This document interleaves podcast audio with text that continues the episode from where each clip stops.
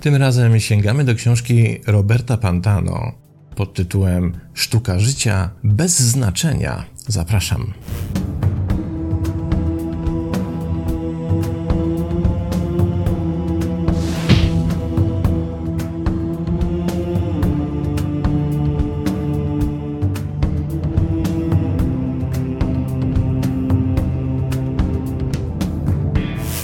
Razem dobrze by było zacząć od sprawdzenia tego, kim jest autor, ale akurat w tym przypadku nie jest to wcale takie łatwe, bo wyobraźcie sobie, że w żadnej z książek Roberta Pantano nie ma najmniejszej wzmianki o jego biogramie, więc nie jesteśmy w stanie się dowiedzieć tego, kim jest, ani też nawet jak wygląda, bo nie ma jego zdjęcia i też przeszukałem internety, mam nadzieję, odpowiednio solidnie i takiego zdjęcia nie znalazłem, więc to bardzo, bardzo tajemnicza osoba. Wiemy o autorze tylko tyle, że jest twórcą kanału YouTube zatytułowanego W pogoni za cudem, który to kanał publikuje krótkie, kilkunastominutowe filmiki. Pewnie znacie ten rodzaj filmów. Ja nawet nie wiem, czy on nie ma jakiejś specjalnej nazwy, ale to są takie filmy, na których autora nie widać.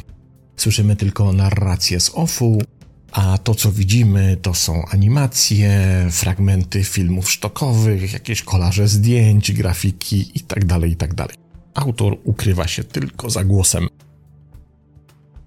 Ale filmy te przekładają zasady wielkich filozofii na meandry współczesnego życia i zdaje się, że autor robi to naprawdę nieźle, bo wyobraźcie sobie, że ma prawie 2,5 miliona subskrybentów na YouTube. I pomyślałem sobie, że to być może jest dobry trop dla tych wszystkich, którzy chcieliby zostać youtuberami i szukają pomysłu na siebie. I uznajemy jak dotąd, że najszybciej można zrobić karierę na YouTubie, kiedy publikuje się treści łatwe, lekkie i przyjemne, mało wymagające, i wtedy jesteśmy w stanie zebrać bardzo dużo zwolenników. A tu nagle proszę bardzo, więc być może warto rozważyć zrobienie kanału o filozofii. Słuchajcie, 2,5 miliona subskrybentów. Wielkie szapoba dla autora. Zacznijmy zatem od y, pierwszego fragmentu.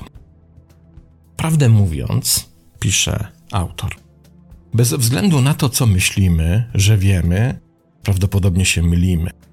I bez względu na to, co inni myślą, że wiedzą, prawdopodobnie też się mylą.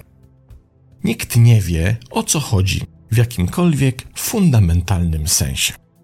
Nic w tym życiu nie jest ani proste, ani jasne, a z perspektywy gwiazd nic tu na Ziemi, łącznie z nami, nie ma większego znaczenia dla niczego poza nimi samymi. Paradoksalnie znajdujemy w tym wielką szansę na mądrość, pokorę, eksplorację i głębokie doświadczenie w naszym życiu. Nikt nigdy nie domyśli się, o co chodzi w życiu, i to nie ma znaczenia. Najlepiej jest więc odkrywać świat. Prawie wszystko jest naprawdę interesujące, jeśli zagłębić się w to wystarczająco głęboko, powiedział znany fizyk teoretyczny Richard Feynman. U podstawy prawie wszystkiego leży następująca prawda: tak naprawdę niczego nie wiemy. Kiedy lekceważymy tę niewiedzę, łatwo możemy stać się bezinteresowni, pozbawieni inspiracji i wyczerpani tym życiem możemy kłaść duży nacisk na rzeczy, które być może nie mają aż tak wielkiego znaczenia i zaniedbywać doświadczenia oraz te rzeczy, które naprawdę mają znaczenie. Czujemy presję i niepokój związany z pogonią za doskonałością i pewnością, czyli za czymś, co tak naprawdę nie istnieje. Jesteśmy świadkami, dzięki którym wszechświat staje się świadomy swojej chwały, swojej wspaniałości, powiedział dwudziestowieczny filozof amerykańsko-brytyjski Alan Watts. Jaka szkoda byłoby zmarnować to doświadczenie, nie doceniając chwały i wspaniałości, które znajdują się w nieznanym. Musimy starać się pamiętać tak często, jak to tylko możliwe, że to, co nieznane, przenika wszystko. Jego cud jest zawsze nad nami, pod nami, wokół nas i w nas, kiedy tylko go potrzebujemy. Wszystko jest popychane lub ciągnięte przez coś w kierunku czegoś. Wszystko, co istnieje, jest tworzone i poruszane przez jakąś siłę substratu. Przypominam, substrat to związek czy też pierwiastek, który ulega przemianie w wyniku reakcji chemicznej. ewoluując od tego do tamtego w kierunku widocznego niczego. Najwyraźniej bez innego powodu niż on sam. Czym jest ten ruch? Jaka jest w nim nasza rola i czy możemy zintegrować się z nim płynniej?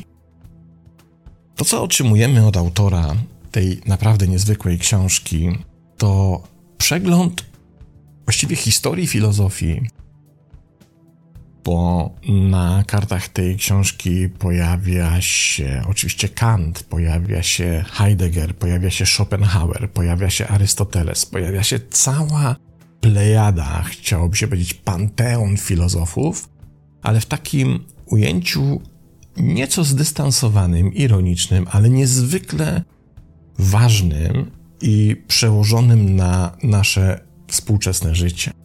I myślę, że być może to jest kluczem sukcesu kanału YouTube autora, który potrafił na przykład opowiedzieć o tym, w jaki sposób Sartre traktował pewne rzeczy, czego my się od tego kolegi Sartra możemy nauczyć. To, od czego zaczyna, jest też niezwykle istotne i myślę, że warto na to zwrócić uwagę. Mówi, tak naprawdę nam się tylko wydaje, że cokolwiek wiemy, tak naprawdę niczego nie wiemy. Tak naprawdę wydaje nam się, że jesteśmy w stanie odkryć w czymś sens, ale i tutaj wypowiem słowo tak naprawdę po raz kolejny, tak naprawdę w większości rzeczy nie ma sensu. Idąc dalej, moglibyśmy powiedzieć, szukanie sensu nie ma sensu. Szukanie sensu pozbawione jest sensu. Ponieważ skoro przez ostatnie tysiące lat, a historia filozofii zarówno zachodniej, jak i wschodniej, to przecież tysiące, a nie setki lat. Więc skoro przez ostatnie tysiące lat żadnemu z tych delikwentów nie udało się odnaleźć sensu i poszukiwania tego sensu wciąż trwają, no to jedyna rozsądna konkluzja jest następująca: to po prostu nie ma sensu. Usiłowanie udzielenia odpowiedzi na pytanie, o co chodzi w życiu, jest z góry skazane na porażkę. Bo tak naprawdę, kiedy przyjrzymy się życiu, to tam nie ma specjalnego sensu, nie ma specjalnych prawidłowości, nie ma w ogóle jakby żadnych przesłanek, by te klocki, które na siłę próbujemy poukładać, do siebie pasowały. Autor mówi: skoro tak, skoro to wszystko jest bez sensu i nie wiadomo o co chodzi, to przestajmy szukać tego sensu. Przestajmy się zadręczać tym, kim jesteśmy, skąd pochodzimy, dokąd zmierzamy, bo to są wszystko banialuki, które zajmują nam myślenie. Szkoda naszego czasu i szkoda naszego życia na poszukiwanie czegoś, czego i tak nie znajdziemy, bo przez tysiące lat się tego nie udało znaleźć. Ale co w zamian? Co zatem mamy robić, skoro to wszystko jest bez sensu? I autor mówi: Posłuchajmy filozofów. Oni mówili, że skoro coś nie ma sensu, to najfajniej jest odkrywać.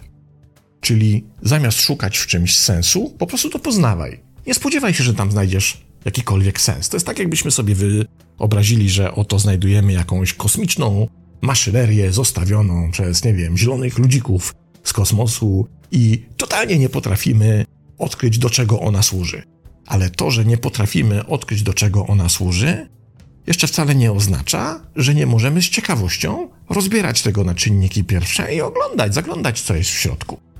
I poznawać kolejne pierwiastki, kolejne metale, kolejne rzeczy, z których to coś, co nie wiemy do czego służy, jest zbudowane. I teraz weźmy sobie tą filozofię i przenieśmy na nas samych. To jest dokładnie tak samo. Nie musisz wiedzieć, jakie twoje życie ma sens. Nie musisz się zadręczać poszukiwaniem tego sensu. Możesz ten czas i energię spożytkować na zaglądanie w siebie, na eksplorowanie siebie, na poznawanie siebie, na uczenie się siebie, na uczenie się swoich reakcji, nauczenie się tego, w jaki sposób funkcjonujesz, nauczenie się tego, co jest dla ciebie dobre, co ci pomaga, co jest dla ciebie złe, co ci szkodzi. I okazuje się, że tych pól do eksplorowania jest nieskończenie wiele i możemy się poświęcić z potężną ciekawością właśnie temu, by siebie poznawać, zarówno w kontekście swoim własnym indywidualnym, jak i poznawaniu drugiego człowieka. A my trwonimy czas na to, by zadawać sobie pytanie, kim jesteśmy. Nie wiadomo, kim jesteśmy. I po cholerę nam odpowiedzieć na to pytanie. Autor mówi, szkoda waszego czasu, w ogóle się tym nie zajmujcie, ale po prostu poznawajcie siebie. Nawet jeśli takiej odpowiedzi po prostu nie uda się znaleźć. I zobaczcie, jak pięknie można przełożyć filozofię na współczesność. Kolejny fragment. Aby zrozumieć filozoficzne podstawy idei taoistycznych, albo tego nie powiedziałem, książka nie dotyczy tylko filozofii Zachodu, ale autor w wielu, wielu swoich rozdziałach również posługuje się filozofiami wypracowanymi przez mistyków czy też mędrców wschodu. Wracamy zatem do tekstu. Aby zrozumieć filozoficzne podstawy idei taoistycznych, niezbędne jest zrozumienie pojęcia znanego jako Tao. Tao jest ogólnie tłumaczone jako droga, która w kontekście taoizmu odnosi się do naturalnej drogi lub porządku wszechświata. Chociaż Tao jest bardzo ogólnym, abstrakcyjnym terminem określającym to, co wykracza poza ludzką koncepcję i zrozumienie, rodzaj siły lub podłoża, które tworzy i napędza wszystkie rzeczy, najwyraźniej bez żadnego powodu. Niezrozumiałe pochodzenie i przeznaczenie wszechświata, w którym załamuje się logika i ludzka wrażliwość. To też nieskończoność i nicość w pojedynczym, zjednoczonym wiecznym tańcu ze sobą dla siebie. Stworzenie bez twórcy. Istotne dla taoizmu jest życie zgodne z Tao. Mówiąc prościej, to życie w zgodzie z naturą. Lao Tzu sugeruje, że można to osiągnąć akceptując fluktuację wszystkiego i porzucając sztywne osądy, przywiązania, oczekiwania i nasze wysiłki kontrolowania naszego życia. Czyniąc to, człowiek staje się bardziej spleciony z naturalnym porządkiem rzeczy, nabierając pewnego rodzaju płynnej, intuicyjnej i harmonijnej relacji ze światem przyrody. Być może jedną z najbardziej użytecznych i nieco bardziej praktycznych idei taoizmu, która z tego wynika, jest koncepcja Wu Wei, która ogólnie tłumaczy się jako niewykonywanie lub działanie bez wysiłku. W Polsce najczęściej znajdziemy tłumaczenie działaj nie działając. Ta idea nie sugeruje dosłownie nic, nie sugeruje nierobienie czegokolwiek lub robienie rzeczy, które są łatwe, ale raczej sugeruje kultywowanie zdolności, okoliczności i stylu życia, w którym często jesteśmy całkowicie zanurzeni w swoich działaniach. Tak bardzo, że jesteśmy prawie niesieni przez nasze działania, a nie odwrotnie. To bardzo ważne rozróżnienie. Innymi słowy, angażowanie się w zadania z głębokim skupieniem i obecnością, poddawanie się bardziej spontanicznym instynktom. Oczywiście, podobnie jak wszystkie ideały filozofii lub religii, koncepcje taoizmu są prawdopodobnie właśnie tym ideałami, które same w sobie nie są pozbawione pewnego poziomu sprzeczności lub ogólnej niekompletności. Ale niezależnie od tego i niezależnie od potencjalnych ograniczeń tego zastosowania, koncepcje sugerowane przez taoizm są pełne bogactw, spostrzeżeń, które zapewniają wartościową, użyteczną przeciwwagę dla bardziej powszechnych, brutalnych sposobów myślenia i kultury, które sprawiają, że myślimy, że rzeczy zawsze muszą wyglądać inaczej.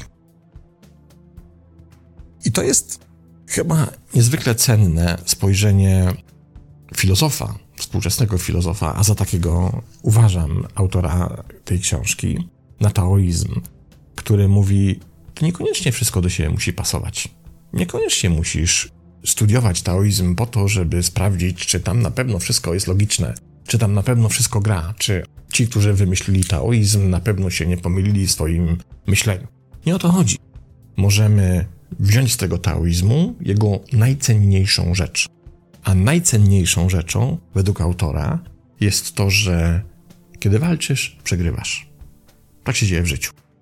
Kiedy się spinasz, kiedy się szarpiesz, kiedy się boksujesz z życiem, kiedy bierzesz to życie za rogi, nawet jeśli osiągasz w nim sukcesy, to ilość energii, którą tracisz po drodze, by te sukcesy się wydarzyły, jest niewspółmiernie duża do osiągnięć, w której to efekcie jesteś w stanie doświadczyć.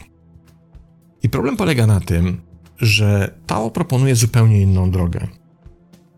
Tę drogę autor nazywa drogą fluktuacji.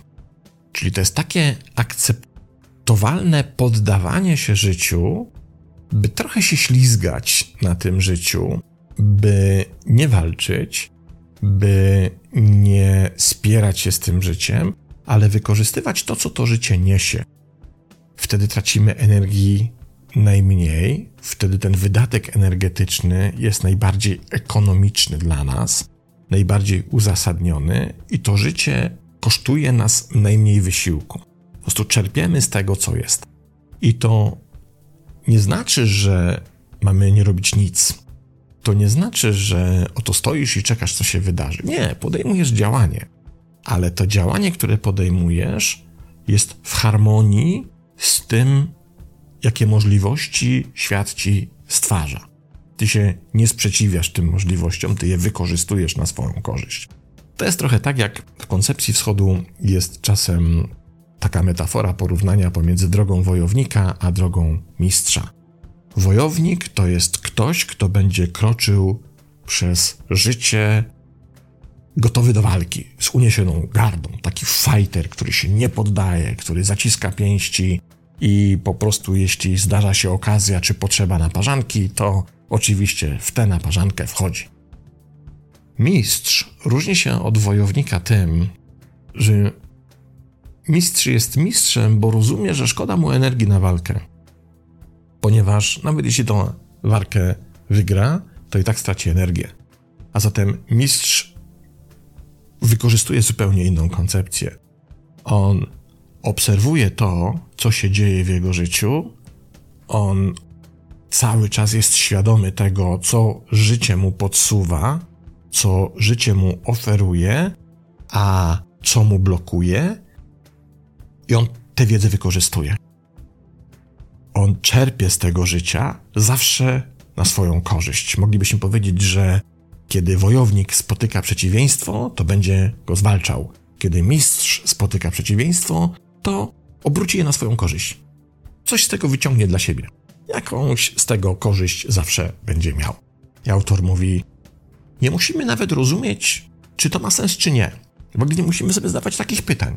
Po prostu bądźmy tym mistrzem, bo tak się żyje po prostu łatwiej. A skoro życie i tak nie ma sensu, to łatwiej jest przeżyć życie bez sensu, nie wyczerpywawszy swoich zasobów i źródeł energii, niż to samo bezsensowne życie przeżyć walcząc i pozbywając się energii. I tylko taka jest różnica. Ale i tu, i tu sensu nie ma, więc po co go szukać? Kolejna rzecz. W jaki sposób tym razem autor sięga do innej koncepcji. Historia ludzkości jest wyrzeźbiona przez okopy. Zanurzamy się w oscylujących trudnościach, uzasadnionych lub nieuzasadnionych. Jesteśmy nękani przez plagi, nienawiść, konflikty i śmiertelną kruchość. Jest tak wiele powodów do złości. Żyjemy w kulturze, która stawia sobie za cel idealizm i w świecie, w którym idealizm jest niemożliwy. Jest tak wiele złego z innymi, z nami samymi, z tym, jak się sprawy mają. Mieszkamy gdzieś w mózgu, obserwując i czując jego żarliwe, nienasycone wysiłki, aby spróbować sprawdzić, by świat szedł swoją drogą, i każdego dnia, choćby dźwięk klaksonu samochodowego lub zgubiony komplet kluczy, przypomina nam, że jest to niemożliwe, że utknęliśmy między świadomością Boga a temperamentem zwierzęcia. Gniew wydaje się mieć sens, kiedy wierzymy, że świat jest odpowiedni i można w nim w jakiś sprawiedliwy sposób zarządzać. Kiedy myślimy, że jesteśmy w centrum wszystkiego i wszystkie wydarzenia na świecie, które nam się przytrafiają, dzieją się w nas. Kiedy zaniedbujemy rozważenie, że cierpienie i ignorancja są fundamentalne dla wszystkich ludzi. Gniew może i prawdopodobnie pożre nas wówczas żywcem. Raczej jeśli zdamy sobie sprawę, że świat nas nie wyróżnił, że większość ludzi to dobrzy ludzie, którzy starają się jak mogą, że za kurtyną zła znacznie częściej kryje się ignorancja, a nie złośliwość, że nasze emocje nie wynikają z bycia ofiarami innych, ale z brania na siebie ich odpowiedzialności, że życie z natury jest trudne, a cierpienie jest fundamentalne dla każdego, możemy być może dokładniej ocenić, czy to, z powodu czego się złościmy, jest tego warte i w jaki sposób. Oczywiście nic z tego nie oznacza, że powinniśmy wieść przyjemne życie, w którym zawsze odmawia się wyrażania gniewu. Nie oznacza to również, że nie powinniśmy mieć oczekiwań i starać się kontrolować okoliczności i reagować na nie najlepiej jak potrafimy, ale oznacza to, że często złość pochodzi z miejsca, które nie jest rozgniewane z powodu rzeczy, na którą wydajemy się być źli, ale że złość jest często obciążeniem, a nie atutem, i że nie jesteśmy skazani na to, by być ofiarą poprzez ciągłe pozwalanie sobie na myślenie, że świat uczynił nas ofiarami. Marek Aureliusz powiedział: Zrozum wreszcie, że masz w sobie coś potężniejszego i boskiego niż to, co powoduje cielesne namiętności i ciągnie cię jak zwykłą marionetkę. Wszystko to może brzmieć całkiem rozsądnie, pożytecznie i wnikliwie, ale oczywiście tylko do momentu, dopóki się nie zdenerwujesz. Wtedy to wszystko brzmi niemożliwie, bezsensownie, tanio lub banalnie, ale być może właśnie wtedy i właśnie z tego powodu te idee mają tak duże znaczenie, to po prostu niepodważalny fakt, że możemy tak bardzo odłączyć się od naszych zdolności rozumowania i mądrości, a gniew może nas tak daleko odwieść od tego, co naprawdę myślimy i czego chcemy. I tutaj aż się prosi o zadanie kolejnego pytania. Mimo całej naszej świadomości, poziomu rozwoju, intelektu, tego kim jesteśmy, jak sobie w życiu poradziliśmy z samymi sobą, jak się z tym uporaliśmy, jak często wciąż pozwalamy, by to emocje nami zarządzały, a nie my emocjami. Wystarczy sobie to po prostu uświadomić. My bardzo często, mimo naszych życzeniowych deklaracji, że jesteśmy od tych emocji wolni, po prostu w nie popadamy, po prostu dajemy się im ponieść. Tacy po prostu jesteśmy, taka jest nasza fundamentalna ludzka natura i nie ma się co oszukiwać. A jeśli ktoś ci mówi, że jest oświecony i nie doświadcza żadnych emocji, to poczekaj aż zadzwoni do niego jego matka i zobaczymy to oświecenie.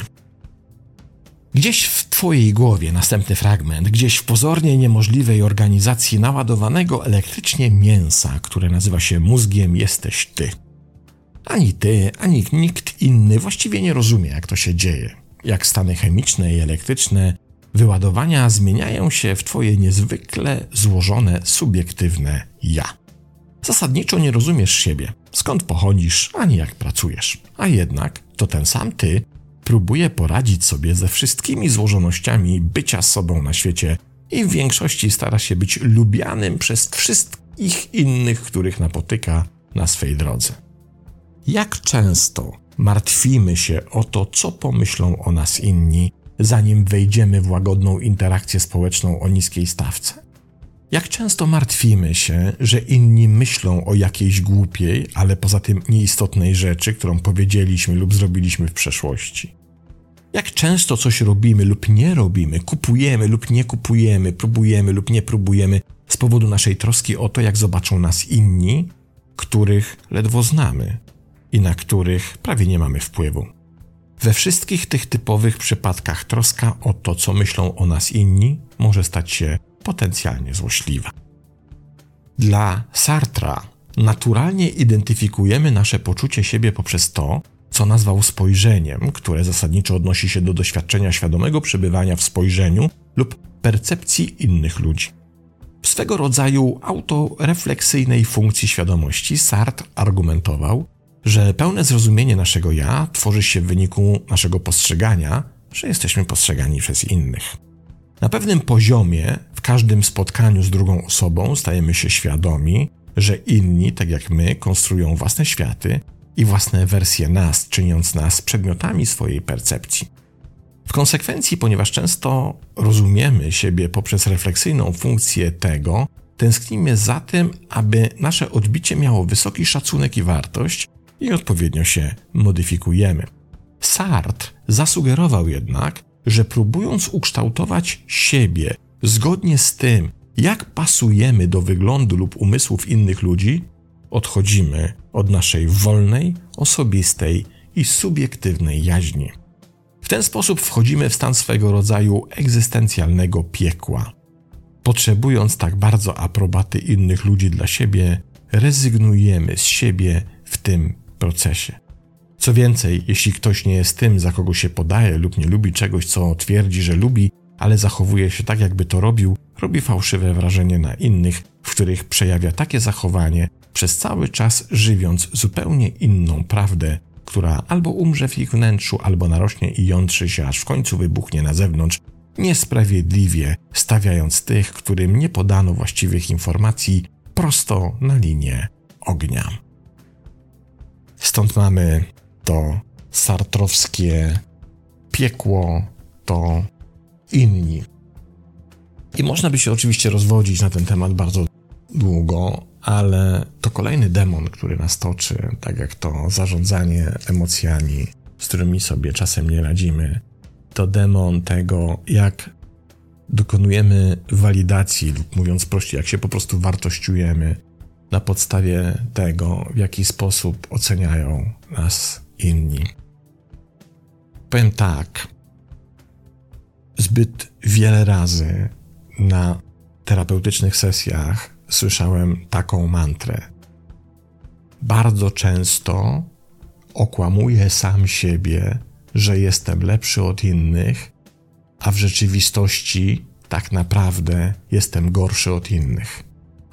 To zdanie, ta mantra jest definicją sartrowskiego piekła. Bo zobaczcie, co się dzieje, kiedy wypowiadamy te słowa. My cały czas odnosimy postrzeganie siebie do kontekstu tego, w jaki sposób my się odnosimy do innych. My budujemy taką, takie wahadełko lepszy, gorszy, w czym jestem lepszy, w czym jestem gorszy, ale cały czas u podstaw tego wahadełka stoi porównywanie się z innymi. Jak mamy być wartościowi sami dla siebie, skoro my oddajemy odpowiedzialność za naszą wartość w ręce tego, jak nas widzą inni? I zadręczamy się tym. Przecież w tej mantrze, którą przed chwilą wypowiedziałem, my dręczymy samych siebie. Ten głos krytyczny, który słyszymy w naszej głowie, on nas krytykuje za to, czy my odnosimy sukces porównując się do innych, czy odnosimy w tym względzie porażkę. No to jest takie zapętlenie piekła, które być może nawet Sartrowi się nie śniło w jego czasach, a w dzisiejszych czasach to jest powszechny demon, z którym się boryka bardzo, bardzo wiele osób. Zbudowany na fałszu. Fałszywy demon karmiący się fałszem i zbudowany na fałszu. Po prostu nie da się bardziej zapętlić tego piekła, które czynimy sami sobie. Ostatni cytat. W jakiś niewyraźny, dziwny i zmysłowy sposób przez całe życie prawdopodobnie wszyscy zetknęliśmy się z czymś, w rodzaju metafizycznej nicości. Filozofowie tacy jak Kierkegaard, Heidegger i Sartre sugerowali, że odczuwamy nicość poprzez nastroje takie jak niepokój, przerażenie lub zawrotne mdłości, rodzaj przeczucia lub świadomości cienkiej warstwy rzeczywistości, która ukrywa pustkę za wszystkim. Możemy doświadczać tego uczucia, gdy jesteśmy sami w nocy i mamy problemy z zasypianiem, lub gdy jesteśmy gdzieś w miejscu publicznym i pojawia się coś, co budzi w nas pewien niepokój, w którym zdajemy się nagle zdawać sobie sprawę z tego, że to wszystko pojawiło się znikąd i wszyscy do tego kiedyś będziemy musieli wrócić. A jeśli tak, to czym jest to nic? Po drugiej stronie naszej czaszki i pod wszystkim, co postrzegamy jako prawdziwe, co tak naprawdę jest, czym mógłby być brak wszystkich rzeczy, czasu i przestrzeni?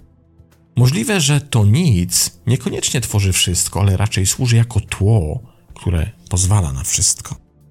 Jak puste płótno ma się do obrazu, tak nicość ma się do samego płótna i wszystkiego innego. Mogłoby z tego wynikać, że ryzykując bardziej pozornie retoryczną grę słów, wszystko i nic są jednym, w jednoczesnej, powiązanej ze sobą koordynacji. Wszystko zawarte jest w niczym. Nic nie powinno być wszystkim. Kiedy dostroimy się do tej nicości bytu i naprawdę skonfrontujemy ją jako potencjalną część wszystkiego, może i prawdopodobnie powinno nastąpić głębokie rozpoznanie cienkiej tymczasowości pokrywającej wszystko, a zatem znaczenie skupienia się, a nie na jakimś rodzaju gry końcowej, ale na bardzo realnych implikacjach, że nie ma gier końcowych. Dopóki istniejemy, nie możemy uciec od wszystkiego, co jest tworzone przez nas, ani przed pustką, z której to stworzyliśmy. To bardzo twórcza intuicja. Ona wypełnia poezję, sztukę, literaturę, filozofię, religię, wszelkie inne nauki i być może ogólną historię wszystkiego, co przeszłe i co ma dopiero nadejść. Wszyscy uczestniczymy w tym przejściowym odwrocie do, z i przez nic. I tak w najbardziej retorycznie ironiczny, ale piękny sposób łączymy się w tym niczym. Dokładnie ta fraza u autora brzmi: Łączy nas nic. Być może nigdy nie dowiemy się, czym jest owo nic, dopóki nie dowiemy się w ogóle czegokolwiek. Dopóki nie dowiemy się niczego. A nawet wtedy możemy nic nie wiedzieć. Wszyscy mamy swobodę wyobrażenia sobie czegokolwiek, co nam się podoba, bo jeśli nicość jest w rzeczywistości źródłem i przeznaczeniem, które łączy nas wszystkich, to być może dzięki nicości wszystko staje się możliwe. I tym optymistycznym akcentem kończy autor Robert Pantano swoją książkę Sztuka życia bez znaczenia, idee z filozofii, które zmieniają sposób naszego myślenia. Książka z 2022 roku, a tym, którzy, tak jak powiedziałem na początku, rozważają karierę youtubera i zastanawiają się, jaki temat sobie wybrać, czy w jakim obszarze na tym YouTubie egzystować, polecam przykład autora. Filozofia dla każdego. 2,5 miliona subskrybentów. To tyle. Pozdrawiam i do następnego razu.